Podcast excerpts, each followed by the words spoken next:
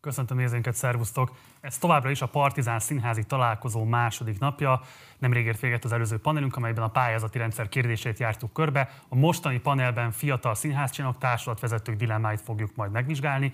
Utána lesz még egy harmadik panelünk is a mai napon, amelyben külföldre szakadt magyar színházrendezőkkel, színházi alkotókkal beszélgetünk arról, hogy valóban kívül tágasabb-e ma egy színházi alkotónak az érvényesülés lehetősége. És ma este is lesz koncert, tehát mindenképpen este 8 után kapcsolatok ide, hogyha esetleg kevésbé érdekel titeket a színház szakmai kérdéseknek a tárgyalása, akkor a koncertről legkésőbb mindenképpen tartsatok velünk. A Dobridán zenekar fog ma élőben jelentkezni a Partizán színpadáról. Most azonban folytatjuk a fiatal színház csináló kérdésével, és be is mutatom akkor mostani panelünknek a résztvevőit. Itt van velünk Darvasi Járon, a Klakker társulás vezetője. Szervusz!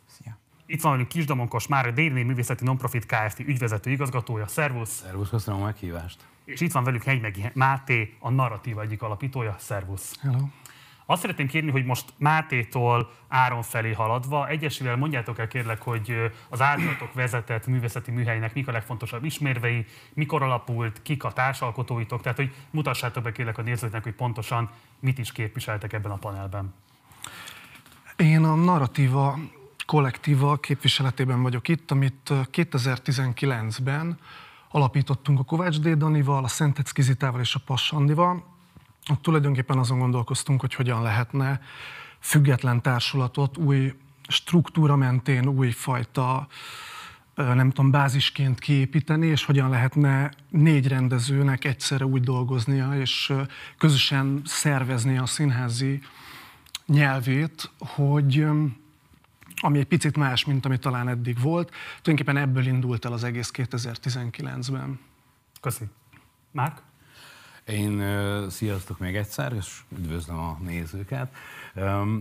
Kicsivel távolabbról tudnám elkezdeni a Déri Nina Profit kft a bemutatását, ugyanis már egy másfél évvel ezelőtt alakult meg cégjogi szempontból, de az előzményei sokkal távolabbra tekintenek vissza. 16 évvel ezelőtt, amikor Vigyánszki Attila a Debreceni Csokonai Színháznak az igazgatója, elment a szomszéd településekre, és látta, hogy bérletes rendszerben milyen szörnyű minőségi minőségű előadásokat visznek ö, településekre, ö, adnak a nézőknek.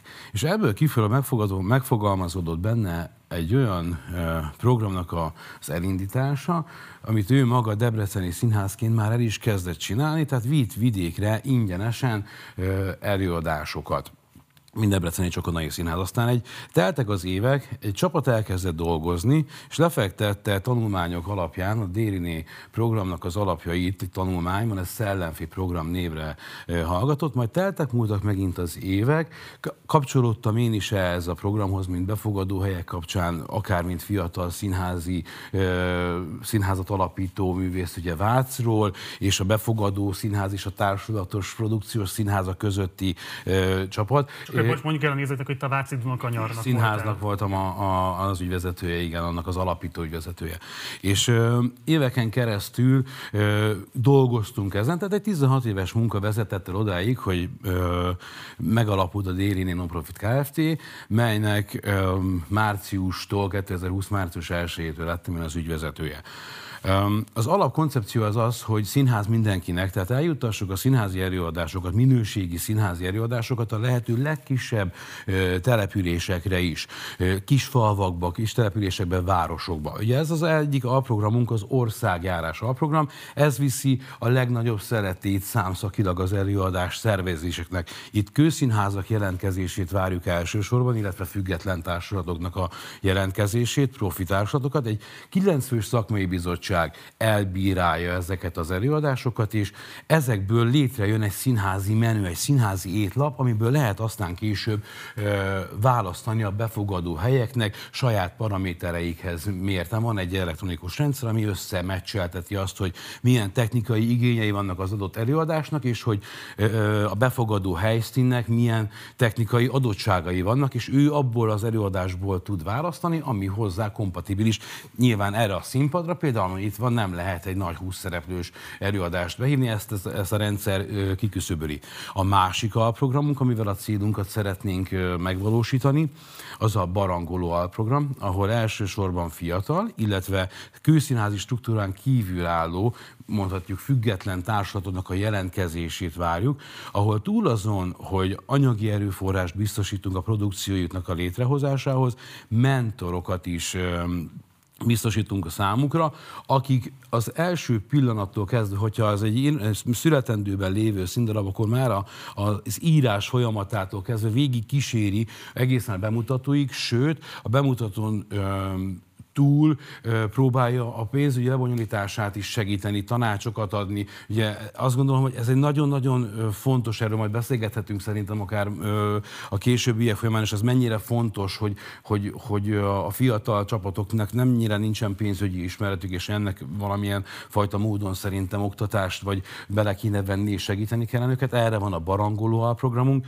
van a Vándor Színház alprogram, amely elsősorban a Dériné Társulatnak, amelyek a negyedik lábunk, negyedik alprogramunk az előadásait hivatott utaztatni illetve ebbe az alprogramba kiváljuk majd a különböző főiskolás vagy egyetemista produkciókat harmadévtől fölfele.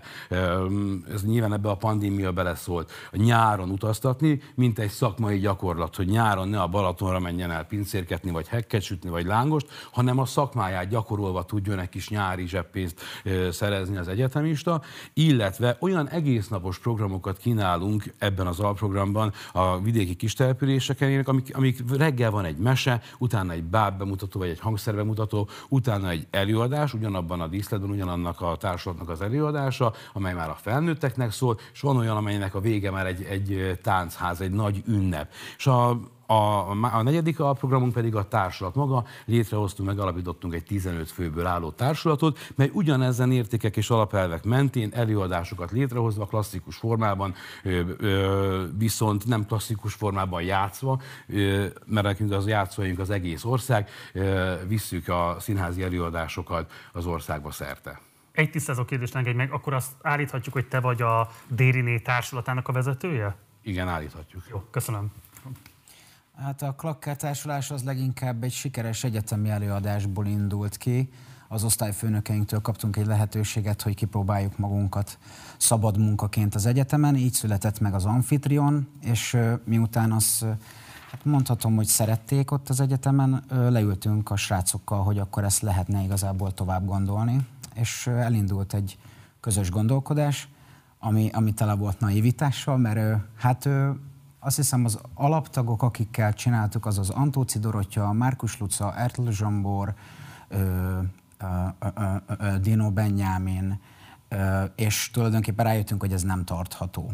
Tehát, hogy nem lehet mindig mindenkihez ragaszkodni, mert mi független csapat vagyunk, őnekik van anyaszínházuk, és ezért nagyon nehéz az egyeztetés. És akkor tulajdonképpen a klakkerből emiatt, mivel beláttam, lett egy ilyen szabad társulat, ha ezt mondhatom, ami azt jelenti, hogy ö, hát igazából mindig az a klakker, vagy azok a klakkerek, akik éppen ráérnek, és egyeztethetőek, de mindig próbálok megmaradni az alaptagoknál, és mindig próbálom őket hívni. A neveteknek a jelentését feloldod, mert a narratíva az viszonylag adja magát, a Dérinéről is van valami képünk. Mi a klakker? Hát ezt a... Ki a klakker pontosan, inkább akkor így jó kérdés. Rudolf Szonya és az Antóci Dorottya találtak ki, pont a Covid alatt voltunk ilyen nagy névkeresésben, és az onnan jött, hogy én nagyon izgulok az előadásaim alatt, és hát előjön a, hát a színészi magatartásom, és tulajdonképpen együtt lélegzek a színészekkel, ami nem mindig jó, és van, hogy nagyon sokszor belenevetek az előadásaimba, és akkor a, a, a, hát a kollégáim már hátra zavarnak minden előadás előtt, és hát a klakker tulajdonképpen fizetett nézőt jelent, és akkor ők poénosan ezért nevezték el a társulatot klakkernek, mert én vagyok a, úgymond a társulatnak a fizetett nézője, aki itt druk nevet, hogy Mindhárom az SF-én végeztetek, a korábbi SF-én, kis megengedéssel korosztálytársai is vagytok egymásnak. Hogyan látjátok egymás tevékenységét, hogyan látjátok egymás társulat vezetői törekvéseit? Mennyiben tudtok ebben akár közösséget vállalni? Gondolkodtok egy esetleg ilyesmiben? Most nyilván a pandémia az egy ilyen atipikus időszak abban a szempontból, hogy annak a tapasztalatai nem biztos, hogy egy az egyben átmethetőek majd egy pandémia mentes időszakba, bár lehet, hogy igen, nem tudom. Ezért kérdezem azt, hogy az elmúlt időszakban, az elmúlt egy-másfél évben mennyire láttatok rá egymás tevékenységére, mennyire tudtatok adott esetben kapcsolódni egymáshoz, a nehézségeitekben mennyiben tudtak adott esetben közösséget vállalni. Bárki kezdheti, akinek van esetleg erre vonatkozóan gondolata, de akkor esetleg Máté? Hát én nem, szerintem három olyan dologról beszélünk, ami pont a pandémia környékén indult. Tehát, hogy én, én nem láttam még, illetve hát youtube amit lehetett tőletek például a János Vitézt ö, ö, látni, nem láttam még élő előadást tőletek, tehát hogy nem tudtam jelen lenni. Öm, ez nehéz, illetve nem tudom, hát nekünk a pandémia előtt két bemutatónk volt, kettő tudott megtörténni, és azonnal le kellett állni. Azóta kettőt bepróbáltunk, de nem tudtuk még bemutatni, majd szeptembertől, tehát szerintem ez viszonylag kölcsönös lehet. De... Igen, azt gondolom én is, hogy ez egy tényleg nehéz most erre a kérdésre válaszolni. Ami nekem nagyon tetszik a, a ti Mátének a, a, a programjában egy ilyen gondolat, hogy ez a, és nekem is van egy ilyen ötletem, csak azért, hogy, hogy a, egy egy kamionból színpadot csinálni, ami, ami, ami viszi az országban. Tehát nekem is az első pillanattól volt egy ilyen, ilyen gondolatom, úgyhogy ez egyébként lehet egy, egy kapcsolódási pont, hiszen ez egy remek ötlet, hiszen vannak olyan, olyan helyszínek, hogy itt elképesztő helyeken jártunk egyébként abban a pici időben, amikor, amikor lehetett menni. Tehát, hogy amikor azt kell dönteni, hogy jó, akkor most itt van színpad, focipályára feláldottak egy színpadot, de hát ez nem alkalmas arra, hogy színházi előadás jássunk, ugye, hiszen abban, abban a közösségben még sose volt színház. Lementünk, és akkor néztem, hát jó, akkor legyen a két fa között kijelölve a játszótér ott a fűben. Az említett János Vitéz előadásunknak volt ott a második előadása. Háttérben a zöld fák, a lombok, oda felállítottuk a, a, a statívokat, a lámpákat, a, a, a hangszórókat, mindent, és oda átrakadtuk a székeket. Azt ülte e, körbe nézőtérként székeken, voltak éppen az egész falu, kijött 300 lelkes kisfaluról, Mátra Derecskiről beszélek, kijött 280 ember, tehát gyakorlatilag az egész falu kim volt, és olyan hihetetlen volt, harapni lehetett a levegőben, azt a, azt a pozitívumot, az örömöt, azt a köszönetet, azt a hálát, meg utána mondták is mindannyiunknak, ami egyébként végig kíséri az előadásunkat, de hát nem ez volt a, az eredeti kérdés, hanem mit tudunk egymásról. Tehát ez nekem egyébként nagyon tetszik, mert ti is a vidéket szeretnétek járni, szerintem ez egy fontos dolog, hogy, hogy elmenjünk a, a lehető legkisebb helyekre is. Nagyon jó tapasztalás. Tehát csak bátorítani tudlak ezben titeket is, hogy, hogy, hogy hihetetlen tapasztalás az a, az a fajta kultúra iránti éjség és igény, meg ennek a ráébredése. És az a pillanat, amikor az adott közösség ráébred arra, hogy ja, ilyen a színház, hogy ez, ez egy jó dolog tud lenni, és beleépül a mindennapjaiba. Rólatok ugye annyit, annyit egyszer tavaly találkoztunk, a, találkoztam a jelentkezésetekkel a Barangoló alprogramba, ott valami betegség miatt nem tudtál eljönni a mentori ülésre, azt nagyon sajnálom egyébként, mert pont az ilyen csapatoknak, mint amilyen ti is vagytok, lett kitalálva a Barangoló alprogram. Ott a mentori ülés. Értem, hogy ti, Darvas János, ti pályáztatok a, a Barangolóba, ezt most akkor jól értettem? Jelentkezésnek nevezzük. Igen.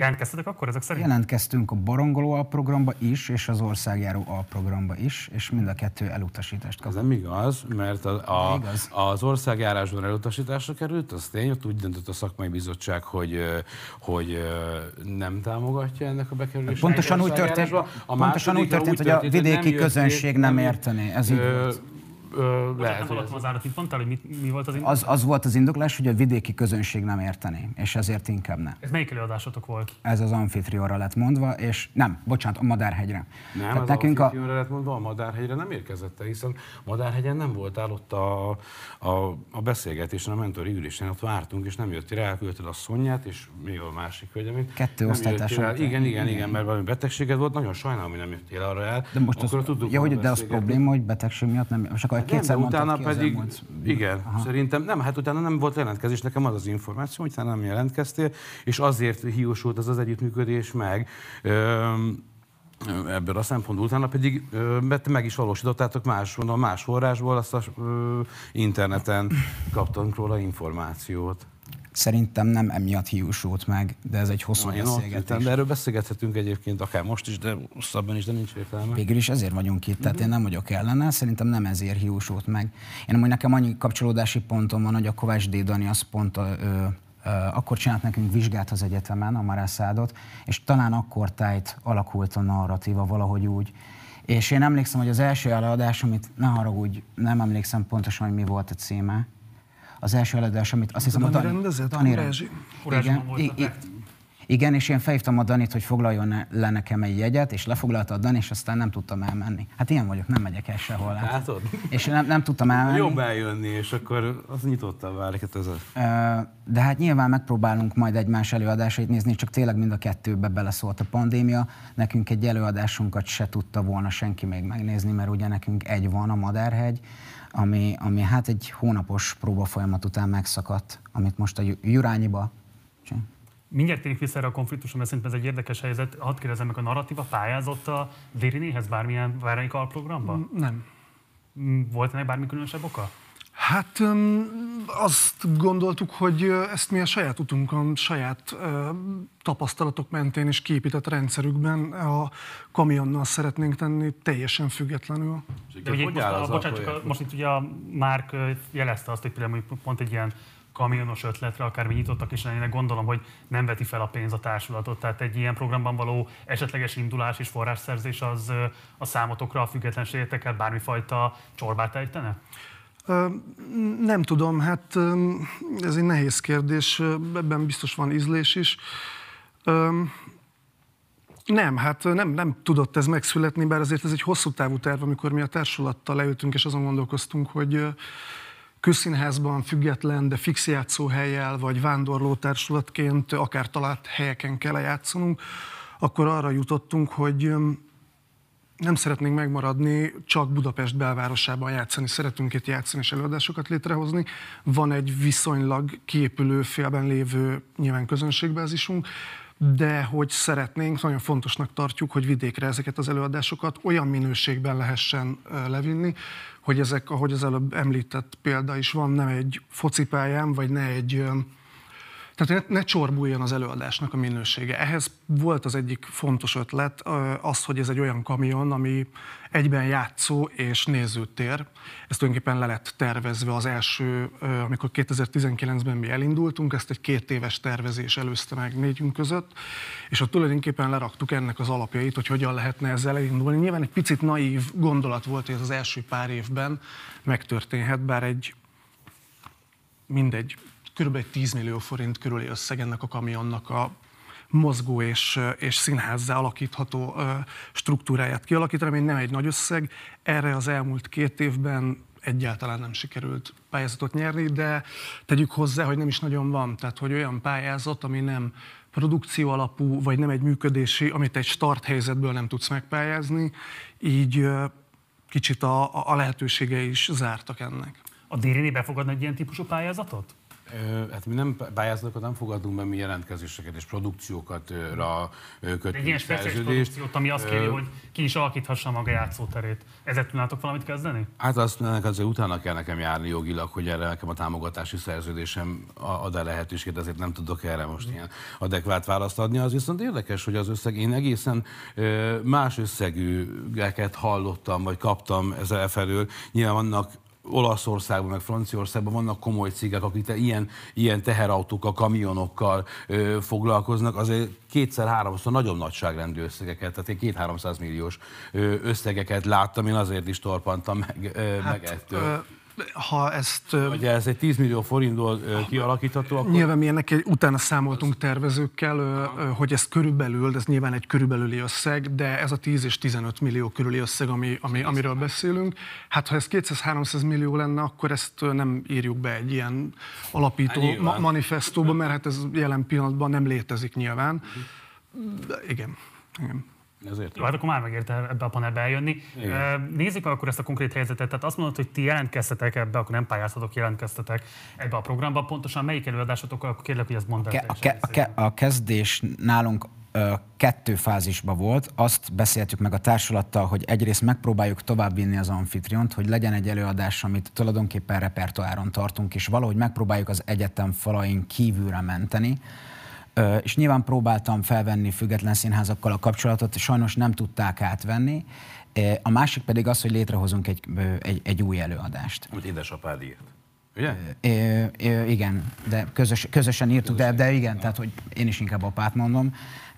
És Hát nekünk ez egy nagy lehetőség lett volna, én azt gondoltam a Déréné program, mert hogy ez megmenti az amfitriont. Nagyon-nagyon szerettük, nem szerettük volna elengedni, és mi bepályáztuk azt az egy előadást az országjárás programba, és aztán már nem pályáztuk be viszont a Madárhegyet a a barangoló program. Hát ez volt, hát hiszen ott vártunk, a barangoló a programban vártunk titeket, a, arra nem jöttél el, tehát lehet, hogy összekevertette magadban, és az indulási nem, fázisban nem. nyilván nem, nem volt lehet egészen egyértelmű ez.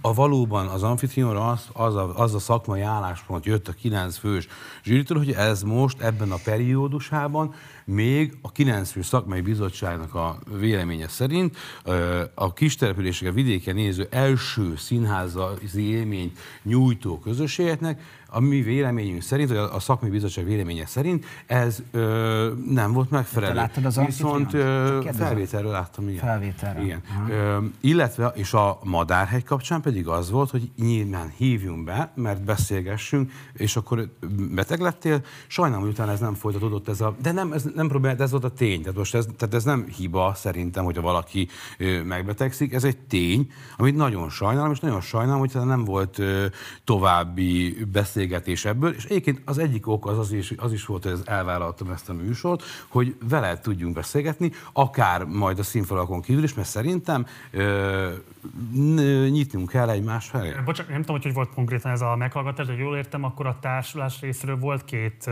volt meghatalmazott két, reprezentáns, aki elvileg részt vett ezen a beszélgetésen, hogy jól értem, Rész... az ő megjelenésük nem volt elégséges? Nem tudtak mondani semmit igazából, és az alapkiírásban benne van, hogy a rendezőnek ott kell lennie a, az, a, a, ezen a mentori ülésen. Ugye három szakaszban van a barangoló alprogramban való bekerülés. Az első nyilván egy mindenféle administratív költségvetést, mindenféle papírmunkát átellenőrző irodai fázis, amikor hiánypótoltatjuk a költségvetést, segítünk akár benyújtásra, kitöltésre, jogi dokumentáció, szinopszis, rendezői koncepció mint egy klasszikus pályázati rendszerben a második szakasz, amikor a szakmai bizottság, ez a kilenc fős szakmai bizottság válogat ezek közül. A, és utána tovább kerülnek egy úgynevezett harmadik fordulóba, amikor is a mentorokkal személyesen találkozik az adott, adott alkotó brigád csapat rendező. Egyébként gyakorlatilag az elmúlt három fordulóban, most is volt egy hatan jutottak be, mind mindenki, aki, aki tovább jutott ebbe a fordulóba, és megjelent is, azok gyakorlatilag szerződést is kötöttünk, és megvalósult, vagy megvalósulásban lévő produkciók vannak jelenleg 18 darab. Volt más olyan produkció, ahol a rendező nem jelent meg egy ilyen beszélgetésen? Nem tudok róla, nem. Tehát mindenki más, akivel kötöttetek szerződést, ott igen. a rendezés, megtörtént a szerződés. Igen, igen, de hirtelen lettek beugrasztva a lányok, nem is tudták, hogy igazából mi van. Mondtuk, hogy a találkozunk. nem hirtelen, én előre jeleztem, hogy nem fog tudni ott lenni. A két lány szerintem mindenről tudott, csak iszonyatosan meg voltak illetődve, hiszen hát azért egy olyan helyzet, hogy most bemennek, hogy hogy képviseljék a csapatot. Egyrészt ugye akkor még nagyon friss volt maga a csapat, tehát nagyon sok kérdés volt bennünk is. Az, hogy mi utána miért nem működtünk közre, annak közrejátszott az, hogy a két lány azt mondta nekem, nekem, hogy azért, mert ez a fajta előadás, amit mi szeretnénk megcsinálni, amit édesapám írt, hogy azt a vidéki közönség nem értené. Én, Két én... lány mondta, nem mi. Most mondtad. Ez nekem telefonban is el lett mondva. Én azért, nem akart, én azért nem akartam ebben ezután részt venni, mert én azt éreztem, hogy tulajdonképpen akkor egy esetlegesebb, mélyebb színdarab, vagy egy, vagy egy nehezebben megérthető szöveg, az nem való a vidéki közönség számára. Én ezzel nem, nem tudtam... Ezt nem gondolom így, hiszen akkor nem tudtunk volna közös produkciót létrehozni a K2-s fiúkkal, nem lennének benne, nem lenne benne előadásuk, akár nekik is a K2-ösöknek a Soltos Lajos Színházon keresztül, az országjárásban, nem lenne benne Musi Zoltánnak a Nehéz című előadása, tehát hogy ezek feltételezések egyébként, és hogyha... Ez közös megegyezés is volt aztán uh, amúgy a mi csapatunkból, hogy akarunk ebbe ez, ez, nem, ez, ne, ez nekem nem probléma, csak beszélgetünk róla. Egy kérdés hogy... még meg, mert hogy ugye azt én sajnos nem láttam ezt az Amphitryon előadást, de a híre eljutott hozzám is, és ez egy rendkívül jó hírű előadás, hogy nem lett volna méltányos adott esetben lehetőséget biztosítani egy fiatal csapatnak arra, hogyha ők ezzel a színházzal szeretik megpróbálni azt, hogy megmutatják magukat a Budapesten kívüli közönségnek, hát akkor mondjuk ez nem tudom, mennyi pénz kellett volna hozzá, mennyi pénz kellett volna. Az volt a fő probléma, hogy miután mi végeztünk az egyetemen, ott már nem, fogtuk, nem tudtuk volna tovább játszani, tehát ki kellett volna vásárolni a díszletet, ami, ha jól emlékszem, olyan 900 ezer forint környékét mondtak akkor. Akkor. Tehát, de nem volt egy nagyon vészesen nagy díszlet. Teljes produkciónak mi lett volna a költsége? Bemutathatóságnak? Az, hogy kimentjük a... Igen. Hát nyilván, hogyha az egyetem mondjuk kevesebbet kér, akkor még kevesebb, de nem, nem, nem ezt nem tudom megmondani. Tehát nagyságrendileg egy millió forint környéki összegről beszélünk. Persze, sőt, én egyeztettem ott egy referenser is, aki, aki adott tanácsokat, hogy, hogy kalkulálják a pénzügyekkel. Tehát mi abba próbáltuk belesúrítani. Igazából csak azt csak kérdezni, picit... ilyen jellegű művészeti kockázat felteszem, hogy bele kell, hogy férjen a Dérinének a, a profiljába, hiszen de sőt, bocsánat, nagyjából egy milliárd forint környéki összeg volt az, amit biztosított a központi költségvetés. Miért döntöttetek úgy, hogy ez a művészeti kockázat nem éri meg nektek, vagy hogy azt gondoljátok, hogy nem találkozna a megfelelő közönség visszacsatolással? Nem a központi költségvetés biztosítja a költségvetésüket, hanem az előadó művészeti többlettámogatás, csak egy kis pontosítás. hát a forrása ugye... E, hát a... ez a, ez a TAU-nak a, a... Mi a központi költségvetésben a, érkezik? Az a további vitele és az át, átgondolása. Igen, viszont um, tehát, hogy más a funkció, mások az alapszabályunk, amiket lefektettünk. Az országjárás alprogramba meglévő produkcióval lehet jelentkezni, és az előadás költségét ö, ö, állja a, a dérini program. Ez az országjárás alprogramnak az alapvetése.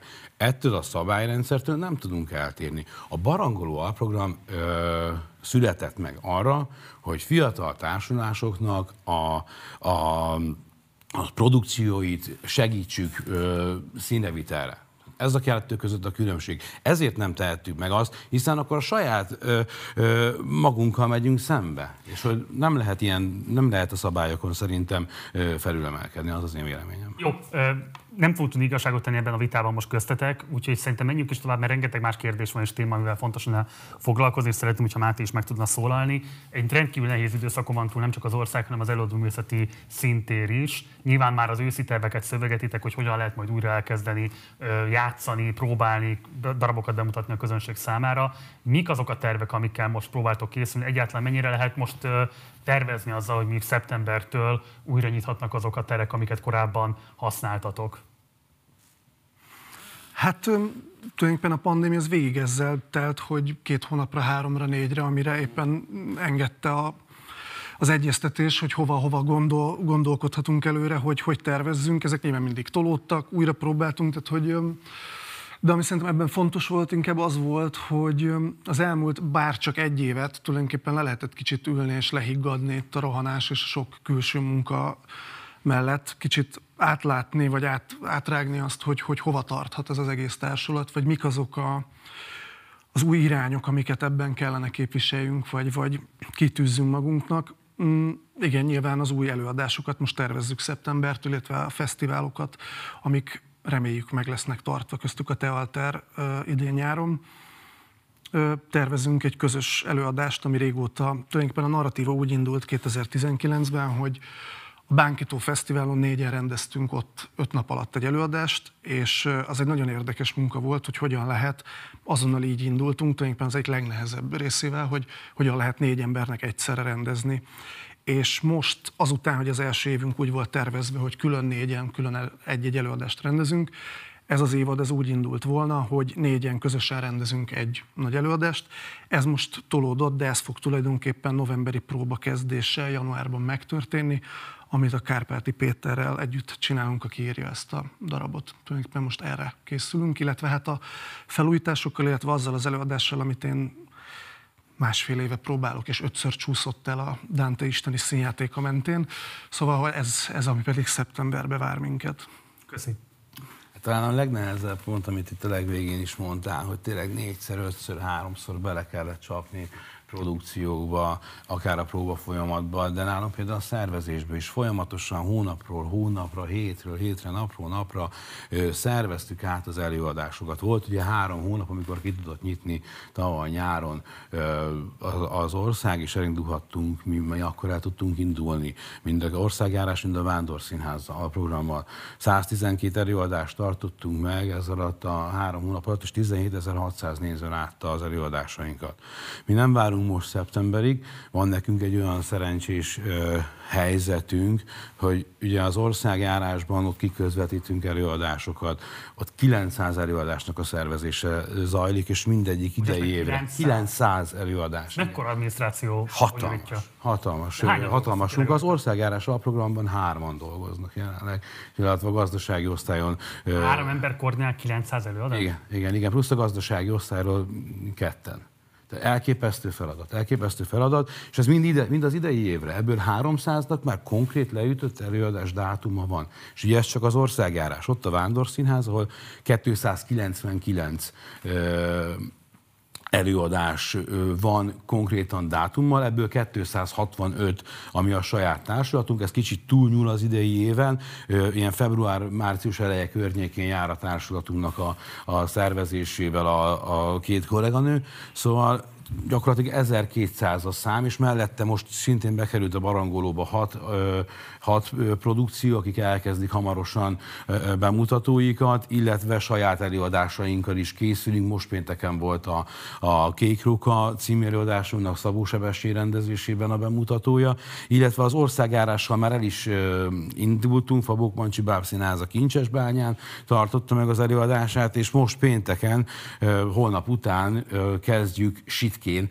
Sitkére megyünk, a Sárvár mellett egy kis település, oda visszük már a kékrókát, és folyamatosan indul be. Mellette persze vannak elmaradt produkcióknak a próbái, Ilyen például a Falurossa, ennek majd július elején fogjuk tudni megtartani a bemutatóját, mert ez novemberről átcsúszott ide, ugye mostanra, de ott is kétszer belekezdtünk már, úgyhogy ez a része nagyon nehéz, hihetetlen adminisztrációs feladat zúdult a kollégákra, már csak azért is, hogy nem lehetett azt mondani, hogy három hónap múlva, két hónap múlva, öt hónap múlva, hanem mindig azt mondtam, hogy jó, akkor a következő egy hónapra tegyétek át, és mindig rakták a végére, a, amennyire csak lehetett a programot, és és itt állunk most. Köszönöm. Áron?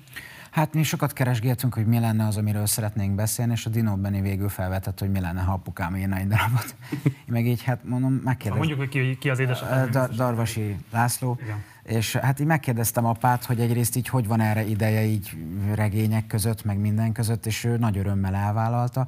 Ráadásul ugye, mivel ő látta az anfitriont, elkezdte ráírni az emberekre a, a szerepet konkrétan, és akkor ennek a címe lett Madárhegy, a, amit ő egy kicsit prózai oldalról közelített meg, és akkor folyamatosan dolgoztunk közösen, és ebből lett ez létrehozva, a Jurányi befogadta, és elvileg március 24-én be lett mutatva, de, de a legelején ugye a Covid megszakított. Már egy hónapja csináltuk, nagyon jó volt dolgozni, mert pont egy olyan folyamat volt, amikor a, mindenki kiszabadult, újra lehetett próbálni, és az érződött az embereken is, hogy, hogy úgy wow, derék tanultam szöveget, vagy nem is tudom, és akkor ilyen mindenki boldog volt, tényleg úgy kezdett összeállni az egész. Hívtam be szakmai embereket, és mindig hívok be mestereket, tanárokat, nézzenek rá, és aztán megszakadt, akkor az felborított mindent, ö, emberek közben elszerződtek ide-oda, akkor az megint megborította az egészet, úgyhogy jövő március.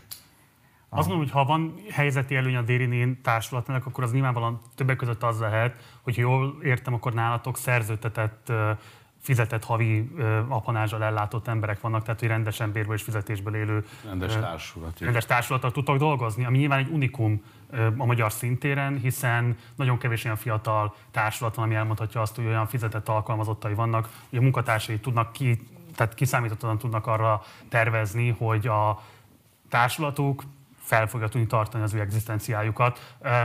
Ugye a magyar színházi életben rengeteg ilyen egzisztenciális konfliktus van, a középgenerációban is, az idősebb generációban is. Köztetek ez, ez milyen feszültségeket okoz? Szoktatok erről beszélgetni, hogy miért van az, hogy valaki adott esetben kap egy ilyen kiemeltebb státuszt, valaki pedig nem biztos, hogy kap egy ilyen kiemeltebb státuszt. Mit lehetne azért tenni, hogy ezek a lehetőségek sokkal egalitáriusabb módon, sokkal igazságosabban oszoljanak el, és hogy többen kaphassanak ilyesfajta lehetőségeket? Hogy gondolkodtok erről a kérdésről? Márk esetleg? Én azt gondolom, hogy persze van egy, van egy jó része is ennek, de azért van egy, van egy olyan hihetetlen ö, vállalás is azokban a színészekben, akik nálunk ö, vannak társadalmi tagként, vagy gyakorlatosként négyen Kaposváról. Mekkora hogy... társulat, bocsáss meg? Tessék? Hány főt számlál 15. 15 fős, és ebből négyen gyak Kaposvári egyetemisták gyakorlaton. Tehát azért ez, ez egy had, amellett, hogy egy, egy, egy, egy, egy könnyebbség is, vagy egy, vagy egy biztonság, inkább ezt mondanám, hogy biztonság mutat nekik, azért az egy hatalmas vállalás, hogy havi 20, 15, 20, 25, mert ilyen előadásszámokat fogunk produkálni, amint el lehet indulni a társulattal, ezek vannak előttünk lekötve, azért elmenni 3-400 kilométerre, akár csak ha műszakot nézzük is, mindenki, tehát az hajnalban elindul a műszak, 11 órakor elindul a színész, utána megérkezik, minden előadáson külön próba, hiszen minden helyszín teljesen más, és más, sőt, még sok esetben, mint meséltem, a színpadot is ki kell találni, hogy, hogy van, vagy van, hogy a, van színpad, de az nem alkalmas, és akkor csinálunk abból vezérlőhelyiséget, vagy páholyt, és akkor a terem másik végébe, és odaépítjük ki a technikát. Tehát megérkezünk, megcsinálják végig a lejárópróbát, majd egy előadás, majd beülnek a buszba, és hajnal egykor, kettőkor, háromkor hazaérkezünk, és másnap megint megint indulunk. Tehát, hogy ebben egy... Bocsáss meg, szerintem csak ne legyen félrejtés, szerintem senki nem kérdezi meg azt, hogy elhivatottságból csináltok, amit csináltok, hmm. és szerintem senki nem gondolja azt, nem hogy rossz azt, hogy csináljátok föltétlenül ebben a formában. Én csak azt mondom, hogy felteszem, ti is szívesen játszanátok 15-20 egy hónapban, ti is szívesen játszanátok 15-20 egy hónapban, tehát nem biztos, hogy ez pusztán csak a szakmai elhivatottság kérdése, miközben felteszem itt ezen a színpadon velem szemben szakmailag rendkívül elhivatott emberek ülnek, csak nem biztos, hogy van lehetőség az elhivatottságukat kiteljesíteni. Erről a kérdésről mit gondolsz? Öm, erről én nem tudok, nem tudok ebben nyilatkozni, hogy, hogy milyen rend, mik állnak rendelkezésre. Szerintem ahhoz, hogy például őnáluk ugyanezt a példát tudom mondani, hogyha a szakmai kiteljesítésük az mi például hozzá tudtunk volna járulni, ők ezzel nem éltek a K2, szeretett volna vele élni, és élt is a lehetőségével. Okay, a lehetőség bárkinél ott van. Okay. Máté ezzel kicsit vitatkoznék, hogy a lehetőség bárkinél ott van. Egyrészt azt mondtad, hogy fiatal társulatoknál ritka, hogy, hogy fizetett társulat van. Hát nem a fiataloknál, alig maradt független társulat ebben az országban, ahol fix társulat van. Tehát, hogy nem sorolom azt a kettőt, hármat, ahol ez még működik. Ha most a K2-t, akik felmerültek, nézzük, 16 óta, azt hiszem, nem tudom, nem tudom pontosan, hogy hány éve, 5-6 éve működik fixen még mindig nem tudnak a működési pénzekből fenntartani egy 5-6-7 fős társulatot. Szóval hogy szerintem ez egy komoly probléma. Tehát az, hogy egy társulatot nincs arra tulajdonképpen jó pályázat sem, de hogy nem, nem tud az ember odáig eljutni, hogy le tudjon szerződtetni színészeket, hiszen nem tud ennyit fizetni. Ebben a pillanatban, ha nem tudja ezt kifizetni, nekünk most szeptembertől egy hat előadásos repertoárunk van, tehát a 15 előadást lehetne tartani. Örülünk, ha egy előadásból havi egyet lehet játszani, hiszen az egyeztetést nem lehet összehozni, hogyha ezek a színészek ugye nem társulati tagok, nincsen elsőleges egyeztetés, ezt viszont csak nyilván egy honoráriummal, egy szerződtetéssel lehetne elérni. És ez jelen pillanatban sajnos szerintem nagyon aránytalanul van jelen, nem csak köztünk, itt szerintem ez eléggé látszik, de, de hogy az egész szakmában. Tehát az, hogy nem tudom, 15 éve, 20 éve működő társulatoknak ez mai napig problémát jelent, hogy, hogy le tudjanak szerződtetni színészeket, legyen nem egy éves, több éves perspektíva, ez, ez szerintem nagyon akadályozza hát a, a színházi minőséget is, a fejlődést, a továbblépést, azt, hogy hogyan lehetne például a produkciós kényszerből kilépni, ami, amilyen pályázataink vannak. Tehát ahol, ahol egyszerűen nekem arra kell pályáznom, és nem arra, hogy milyen jó lenne például akár külföldi minták mentén, vagy alkotói vágyunk mentén, ami szerintem mindannyiunkban jelen van, nem 5 hét alatt, 6 hét alatt, 8 alatt próbálni, hanem kicsit hosszabban, kipróbálni olyan metódokat, amik, amik nem erre a snell dologra vannak ráállva, nem a kőszínházi formára vannak, ahol sok bemutatót kell tartani, ami a független színháznak talán izgalmas feladata és előnye lehetne. Szóval ez szerintem mind nagyon erősen összefügg a finanszírozással, illetve annak hiányával, vagy nem elég jó rendszerével. Igen. Hát mi jelenleg az NKS támogatás pénzből vagyunk ebben az előadásban, amiből szegény színészek egy forintot nem láttak még, pedig egy hónapig kőkeményen dolgoztak. Ennek pusztán az az oka, a Váci Laci nekünk a produkciós vezetőnk, és ö, mivel a Covid megszakította a folyamatot, és nem lehet tudni, hogy jövő márciusban ki az, akit lehet egyeztetni, ki az, akit nem lehet, tehát ilyenkor egy újabb próba folyamat indul el, ezért ő mondta, hogy egyszerűen nem lehet odaadni valakinek a, a díját, hiába dolgozott még a felét sem, mert, mert lehet, hogy őre akkor nem lehet számítani. Ez egy iszonyatos kellemetlen helyzet, de mi, mi csak ebből tudunk gazdálkodni, semmi más fix bevétel nincsen.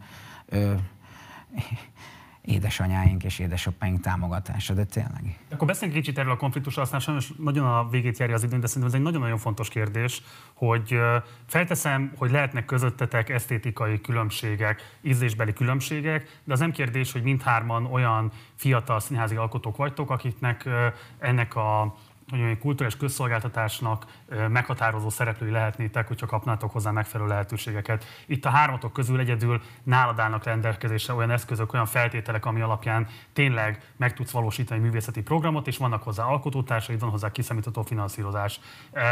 Mi kellene szerintetek ahhoz, hogy mondjuk például közöttetek meg tudjon képeződni egy olyan érdek és sors közösség, ami alapján elkezdtek arról beszélni és azon gondolkodni, hogy hogyan lehetne befolyásolni azokat a folyamatokat, amelyek például a forráselosztásról gondolkodnak, vagy hoznak döntéseket, és hogyan lehetne mondjuk föltenni egy javaslatot a hatalom számára, hogy hogyan gondoljátok ti az a cél, hogy minél több helyre jusson el színházi előadás az országban, rendben van, itt van hozzá X fiatal társulat, X középgenerációs társulat, tehát hogy legyen ebben egy olyan fajta együttműködés, amit szerintem nagyon sokan várnak, nem csak a szakmai oldalról, hanem szerintem nézői oldalról is, hogy így ezek a nagyon nehezen követhető különböző adok-kapok helyett hogyan lehetne arról beszélni, hogy él és virágzik Magyarországon az a színházművészet, amihez pont az előző panelben mondták az itt ülő emberek. A forrás megvan, csak az elosztása a forrásoknak egész egyszerűen nem követi feltétlenül azokat a trendeket, amik a szakmán belül egyébként kitapinthatóak. Erről a kérdésről mit gondoltok? Szerintem ez lehetetlen, főleg most az elmúlt időszakban. Miért? Hát az elmúlt időszakban, ami a helyzet kialakult a színházi szakmában, szerintem az nem arra val, hogy itt egy összetartás van, vagy egy egymás megértés, vagy egy asztalhoz való leülés, hanem emberek nagyon erősen gondolnak valamit, és akkor az van, amit mondanak, és úgy van. Nincs egy nyitottság egymás felé. Nem tudom, hogy erre mi a, amúgy a megoldás, de az biztos, hogy nem, nem, nem tudom, mi kell ehhez. Mi, mi kell ehhez. Szerintem az kell, hogy nyitottak legyünk egymásra, és ne elutasítóak, hogy leüljünk, beszélgessünk, kommunikáljunk egymással, meghallgassuk a másik érvét, véleményét. Lehet, hogy nekem az egyik tetszik, másik nem, neked fordítva, de hogy tehát kommunikáció, beszélgetés, szerintem ez a nyitja. Bocsánat, ilyen kommunikációt, hogy mi, mi, bármelyikötök kezdeményezette a másik irányba az elmúlt egy év során. Most a pályázati helyzetet leszámítva. Nem, én, én nem emlékszem rá. Szerintem egyikünk sem. Ez mindannyian. Nem, de nem is, nem is nagyon látom azt, hogy nekünk kellene esetleg arról beszélni, hogy én kapjak-e, vagy ő kap, tehát hogy egyszerűen nehezen is látom azt, mint, mint ebben résztvevő ember, hogy én valakivel külön leüljek beszélni. Tehát, hogy egyszerűen egy pályázati rendszerről kellene gondolkozni, ami nem most nem jó, hanem a független pályázati rendszer nagyon régóta nagyon rossz helyzetben van. Nem tudom, hogy én már nem pályakezdőként, de ebből éppen kiülve, tudom-e ezt megváltoztatni, vagy a jó irányát feltenni, ha azt látom, hogy az összes előtt, elmúlt években történt ilyen, ilyen próbálkozás teljesen félresiklott, vagy teljesen eredménytelen. Ez nem mentesít fel attól, hogy ez ellen, tehát hogy dolgom lenne ezzel, vagy dolgunk lenne ezzel, egyszerűen nem látom a platformját, és nem látom a, sajnos a lehetőségét sem annak, hogy ez hogy, hogyan nem lefele tart egyre inkább, és, és mi, a, mi a kiút abból, hogy ez a, az egész független ö, ö, szféra valahogy kicsit komolyabban legyen véve, és szakmailag elismertebb legyen, miközben az előadásokon és a nézőszámokon azért ez szerintem elég jól látszik, hogy ez egy, ez egy nagyon komoly része ennek az országnak, és, vagy a, a, a szakmánknak.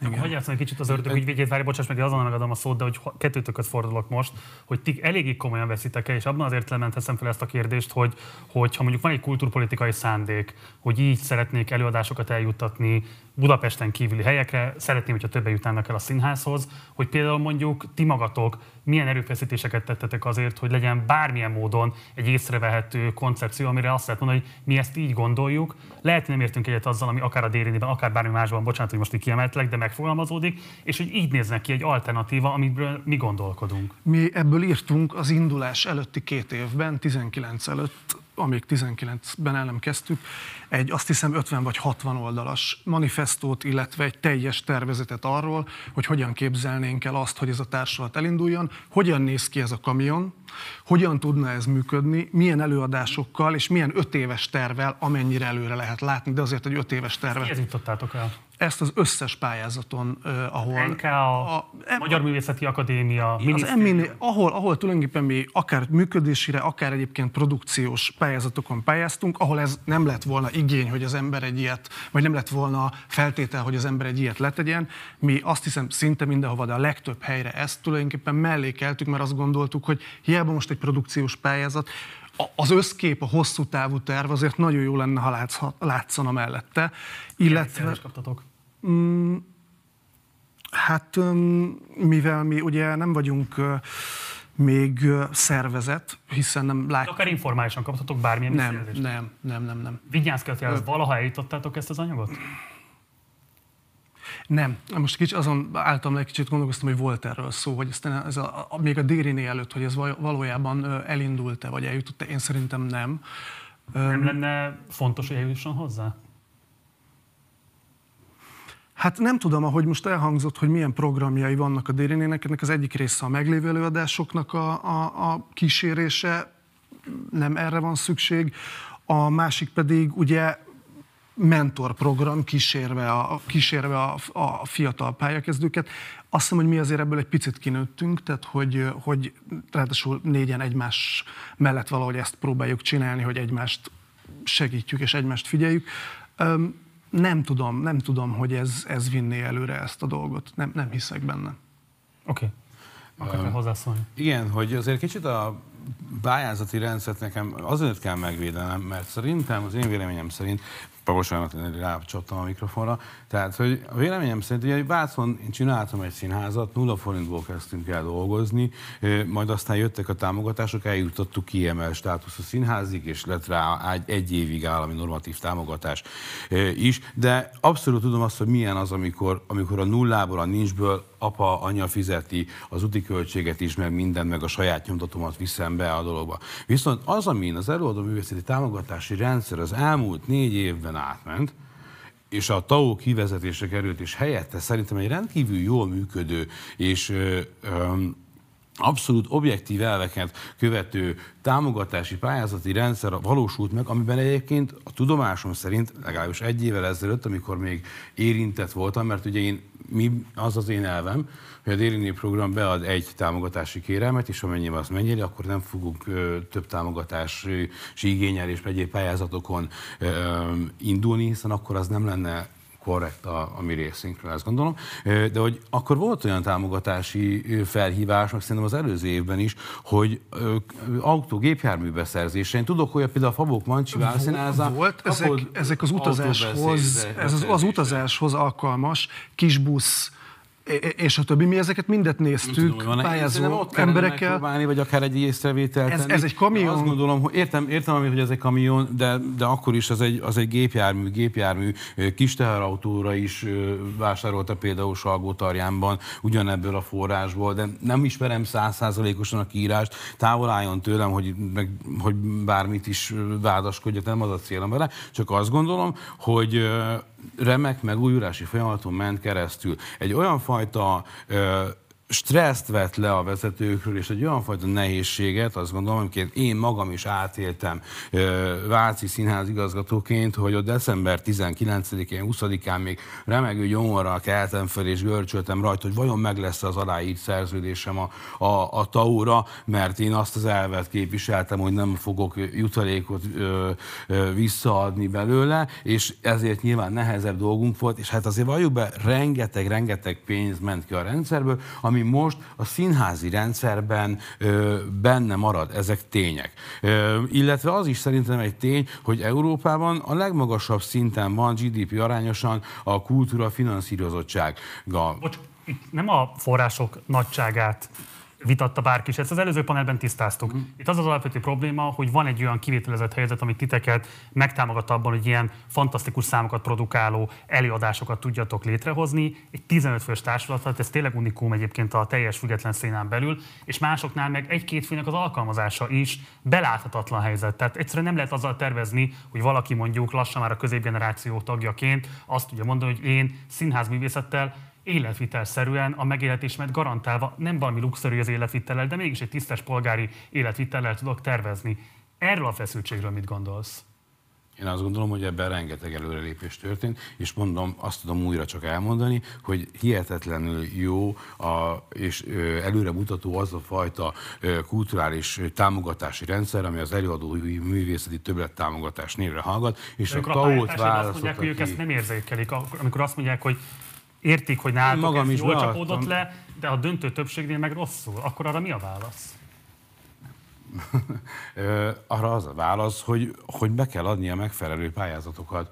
Bocsáss meg, erre, erre, erre had... És akkor, akkor utána vannak, vannak eredményei. Erre, erre hadd had, had reagáljak, hogy, hogy igen, vannak erre pályázatok, de csak direkt nem magammal vagy magunkkal példálózzak. Itt van például a K2, akinek a neve többször felmerült, 6 éve, 7 éve, nem tudom pontosan mióta a társulat, azóta odáig jutott el, komoly számokat produkálva, és szerintem nagyon komoly szakmai munkát letéve, hogy 5 millió forintot kapnak egy működés. Egy működési pályázaton, amiből az embereiket kellene kifizessék, a színészeiket, a háttérben dolgozókat, a leszervezését például egy vidéki előadássorozatnak. Ezt 5 millió forintból nyilván lehetetlen. Ez egy éves működés, csak a nézők kedvéért mondjuk. Egy, egy, egy éves működés. Avonta kevesebb, mint tényleg forint. Tehát, hogy, hogy ezt, ezt ért, lehetett elérni, mondom, szerintem komoly befektetett szakmai munkával, illetve hát nálatok is ugye támogatva lettek, vagy hát ott vannak veletek is, tehát nyilván elismerhet, vagy ti is elismeritek az ő munkájukat.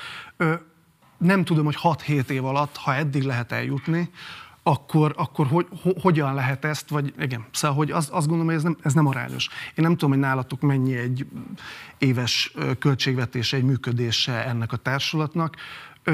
Szóval, hogy ez, ez, ez szerintem arány. Tehát én szerintem ez egy rendkívül aránytalan helyzet, amiből nem tudom, hogy hogyan lehet arányosítani. Hiába van, merült fel az előző panelbeszélgetésben is az, hogy van pénz a kultúrában, ellenben sok felé oszlódik szét, vagy nem arányosan. Szóval, hogy ez, egy, ez szerintem egy komoly probléma.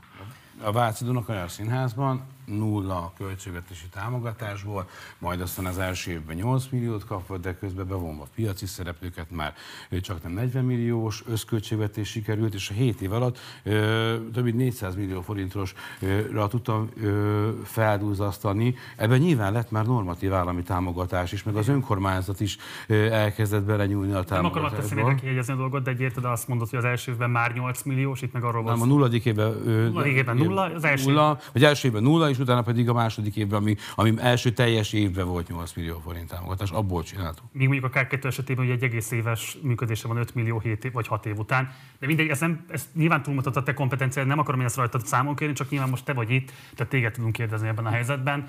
És hát Áron, te nem is szólaltál meg ebben a panelben, vagy ebben a részben, úgyhogy kérlek most akkor, hogyha van bármi hozzáfűzni valód, akkor azt tedd meg. Én nekem csak az jutott eszembe, hogy nyilván, nyilván az ember próbál megfogni lehetőségeket, és próbál ö, élni a lehetőségekkel. Én még egyszer azt tudom mondani, amikor volt ez a déri név felhívás, mi pályáztunk. Csak itt inkább a kommunikáció, vagy az, hogy az üzenettel van probléma, hogy az van mondva, hogy amivel ti pályáztatok, ami amúgy egy sikeres dolog lett, és egy elismert dolog lett, és tükrözi azt, hogy mi hogy gondolkozunk a színházról, figyeljetek srácok, azt ne, hanem inkább csináljatok mást.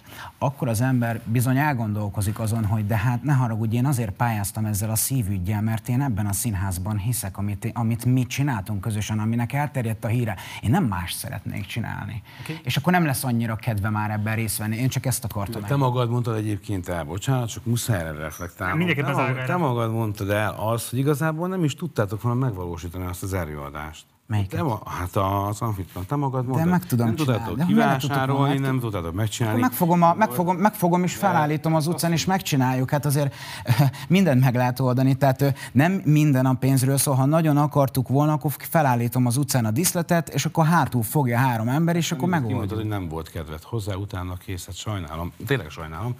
Ez van. Nekem nem kedvem nem volt ehhez. Majd a továbbiakban esetleg pályáznak bármelyikük is, gondolom fair elbírálásra számíthatnak, tehát ezt tudod garantálni felé. Minden, abszolút.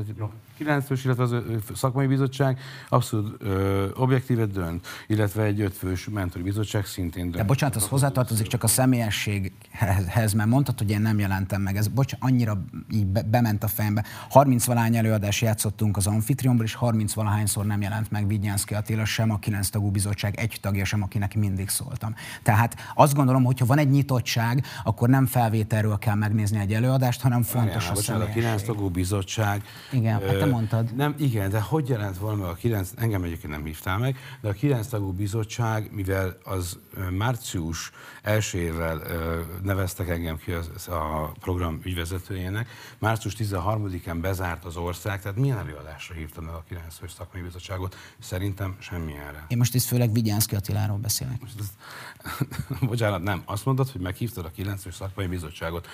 Ez nem igaz? Hát de... Nem hívtad meg a szakmai bizottságot, nem hívhattad meg, mert nem volt rá lehetőség, mert pandémia volt.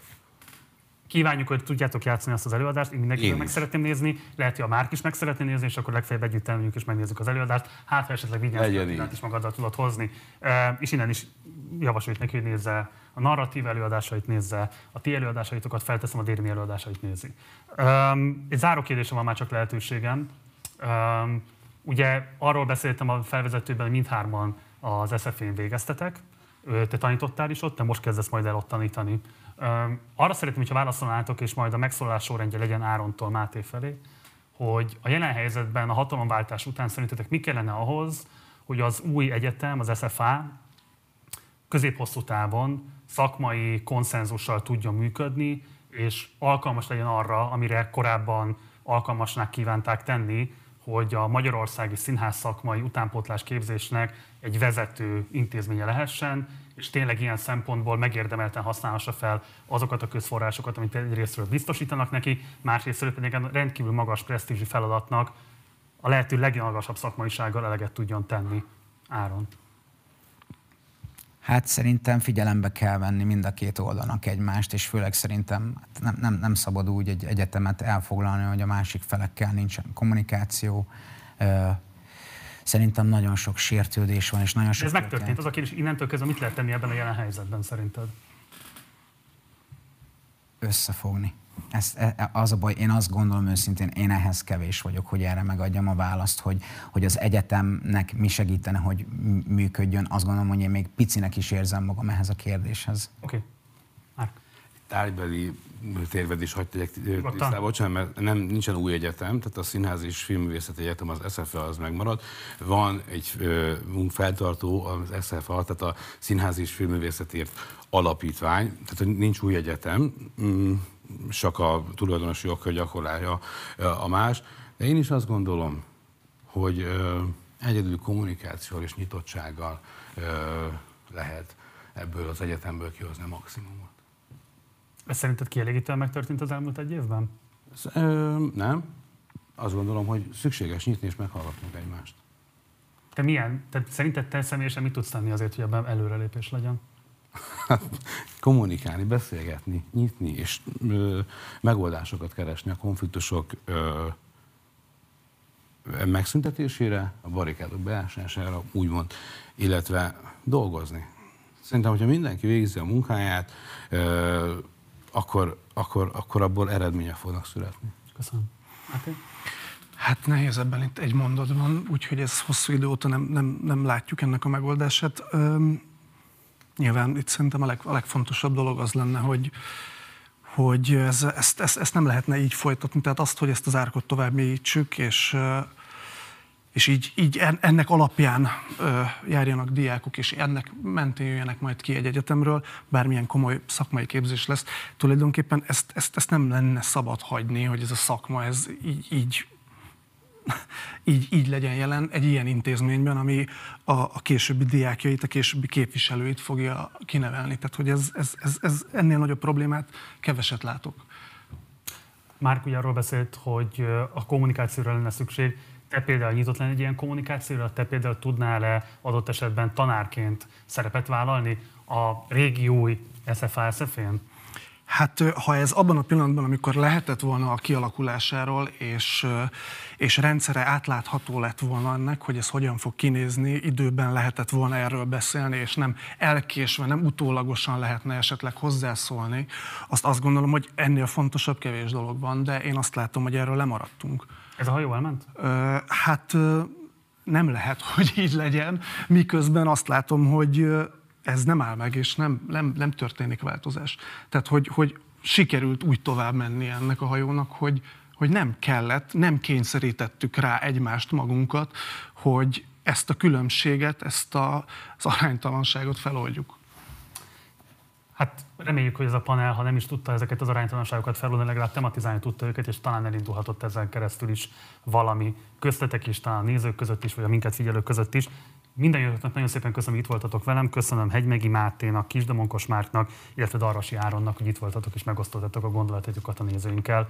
Köszönjük egyszer. Köszönjük szépen. Köszönjük szépen. Ez volt az előző panelünk a Partizán Színházi találkozó második napján, de még nincs vége a napnak, mert következik a harmadik panel, nagyjából egy 10 perces szünetet tartunk, utána érkezik a Partizán színpadára Bányai Tamás, Dömötör András és Mundrucó Kornél, akikkel a hazai lehetőségek változásáról és a külföldi lehetőségek megnyilásáról fogunk majd beszélgetni, utána pedig a panelüket követően érkezik majd a Partizán színpadára a Dobridán zenekar, úgyhogy egy rövid szünetet tartunk, és aztán érkezünk vissza, maradjatok velünk.